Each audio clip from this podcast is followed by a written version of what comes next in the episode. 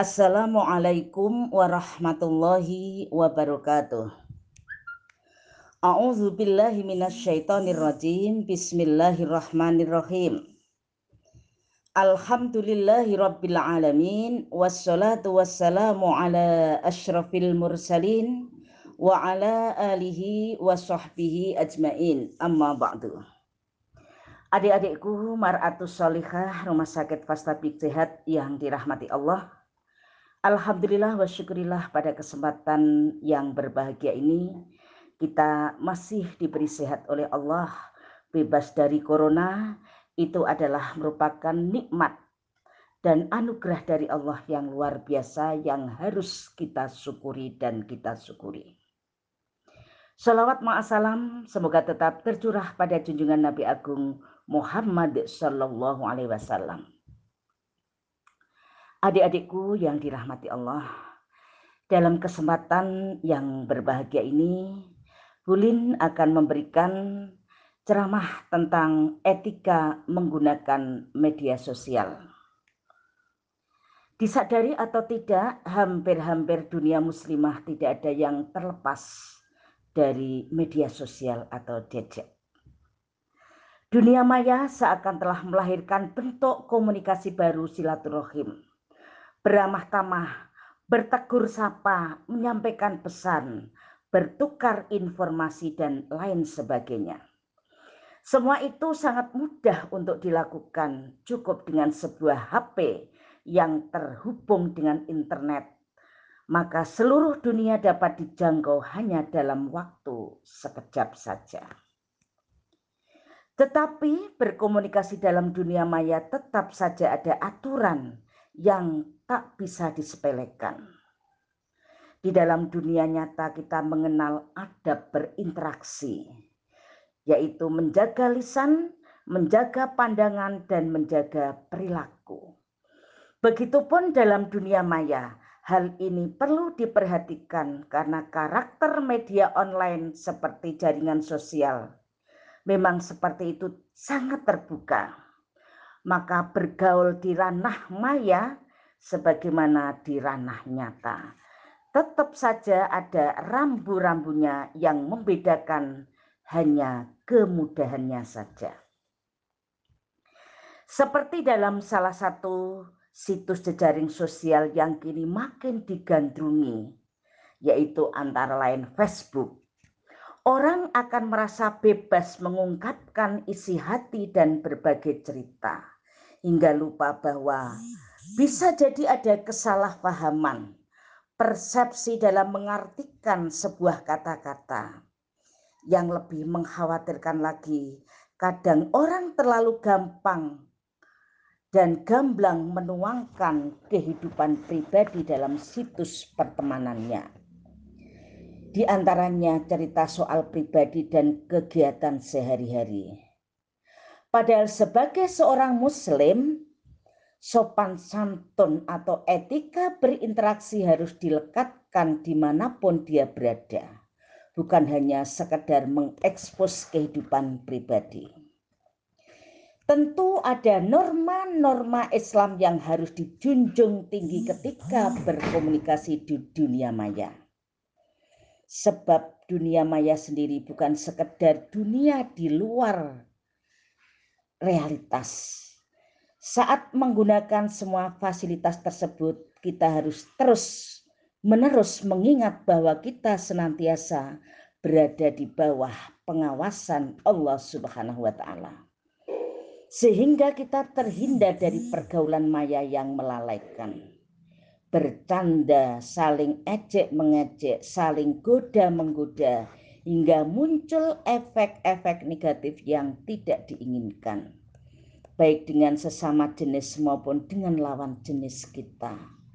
Mengedepankan etika Islami dalam menggunakan akun jejaring pertemanan sangatlah mulia. Nah, dengan demikian kita bisa terhindar dari berbagai fitnah dunia. Lantas bagaimana etika Islam di dalam memanfaatkan jejaring sosial dunia maya itu. Nah, untuk itu adik-adikku Mar Solihah Rumah Sakit Patabik Sehat akan saya satu persatu etika di dalam menggunakan media sosial atau dunia maya. Yang pertama adalah menjaga dan meluruskan niat. Artinya apa? Niat harus diluruskan. Media sosial adalah alat atau sarana. Semua sarana tergantung pada tujuan yang akan diraihnya. Sarana kebaikan adalah baik dan sarana atau alat pendukung keburukan itu juga buruk. Maka saat menggunakan media sosial kita harus memulianya, memulainya dengan niat menebar kebaikan supaya menjadi amal soleh kita. Kemudian yang kedua, di dalam menulis status dalam jejaring sosial, pilihlah kata-kata yang penuh inspirasi dan bermanfaat. Sebagaimana telah kita sebutkan di depan bahwa media sosial adalah merupakan alat. Jika kita memanfaatkan dengan baik, maka akan membawa banyak kebaikan. Dan sebaliknya, kita bisa menulis apa saja dalam status-status kita. Namun sebagai muslimah semua itu ada batasan-batasannya. Meski demikian, tidak berarti kita perlu berkata-kata garing di dalam bergaul di dunia maya karena medsos bukanlah sarana taklim atau ceramah. Kita bisa menyampaikan pesan-pesan yang kita inginkan dengan dikemas secara komunikatif. Nah, dengan begitu dialog akan terasa lebih akrab, tidak terkesan menggurui, tetapi lebih terkesan curhat. Jawabannya juga tidak terlalu panjang-panjang setelah lawan bicara menanggapi positif pesan itu, baru kita berikan dalil syar'inya. Kemudian yang ketiga adalah selektif. Nah adik-adikku, selektiflah dalam memilih teman dan dalam berkomentar. Tidak menginformasi orang yang minta dijadikan teman bila memang ia tidak jelas misalkan foto profilnya tidak berupa foto, tetapi gambar-gambar yang tidak jelas, namanya terlihat dibuat-buat dan lain-lain. Nah, selain itu, kita juga harus selektif di dalam berkomentar. Kadang banyak komentar yang tidak perlu dikomentari. Ada pula yang bila dikomentari hanya akan memperpanjang debat kusir dan mengotori hati. Nah, adik-adikku, memang karakter jaringan sosial adalah sangat berbeda dan sangat bebas. Baik buruknya tergantung pemakai. Maka untuk terhindar dari efek negatif kita harus memiliki self control yang sangat kuat. Kemudian adik-adikku yang dirahmati Allah Subhanahu wa taala, di dalam kita berteman di media sosial, ini harus memang perlu dan perlu kita selektif. Di antaranya berteman dan bergaul dengan yang baik-baik saja. Sama halnya di dunia nyata, di dunia maya pun kita harus memastikan berteman dan membangun jaringan komunikasi hanya dengan orang-orang yang baik saja hanya mengikuti orang yang mengajak pada kebaikan dan meningkatkan ketakwaan dan keimanan kepada Allah Subhanahu wa taala. Sebutlah media sosial Facebook. Salah satu fiturnya adalah pertemanan, update status, sharing dan komentar. Nah, postingan dari teman-teman kita tentu akan ikut mempengaruhi pola pikir kita. Kemudian juga jaga diri dan jangan posting foto pribadi dan media sosial. Salah satu karakteristik pemakai media sosial adalah ingin selalu menginformasikan aktivitas pribadi yang diupload melalui foto di media sosial. Bahasa gaulnya adalah foto selfie, bukan tentang boleh tidak atau halal haramnya selfie itu, tetapi yang harus menjadi catatan utama bagi kita dari para muslimah adalah berhati-hati dalam menjaga diri dan juga membantu para lelaki untuk menundukkan pandangannya. Jangan sampai foto kalian, foto panjenengan menjadi jalan dosa bagi laki-laki yang melihat. Kecuali jika kamu bisa memastikan laki-laki tidak akan melihat fotomu dan andai melihatnya mereka tidak tertarik dan tergerak syahwatnya. Kemudian yang berikutnya adalah pastikan kebenaran suatu berita sebelum menyebarkannya. Di dalam Al-Quran Allah berfirman, A'udzu billahi minasyaitonir rajim. Bismillahirrahmanirrahim. Ya ayyuhalladzina amanu in ja'akum fasikum binaba'in fatabayyanu an tusibu. Ang tusibu qaumam bijahalatin fatusbihu ala ma fa'altum nadimin.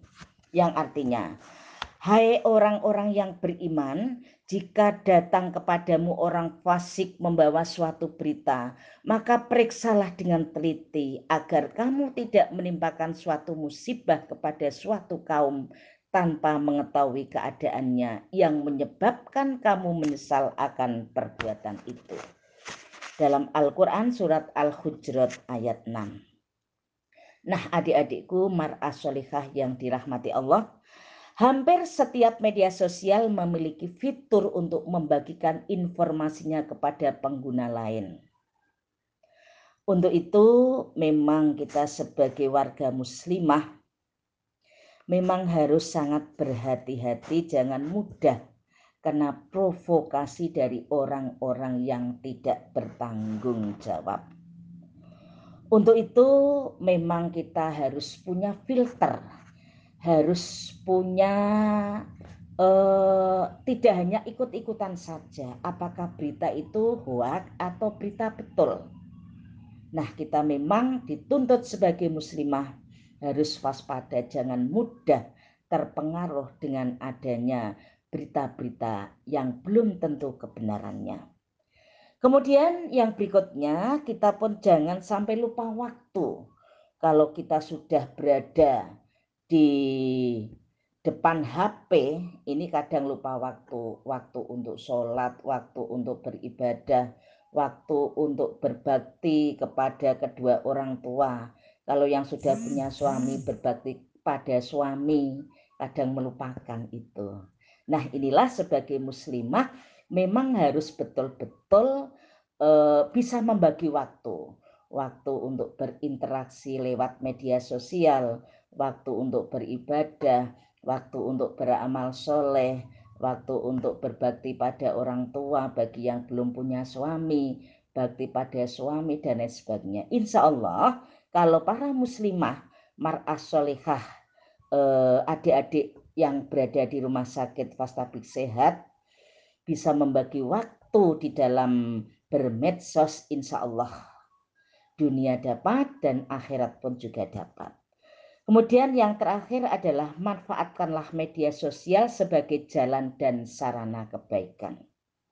Nah adik-adikku, jadikanlah media sosial sebagai sarana kebaikan.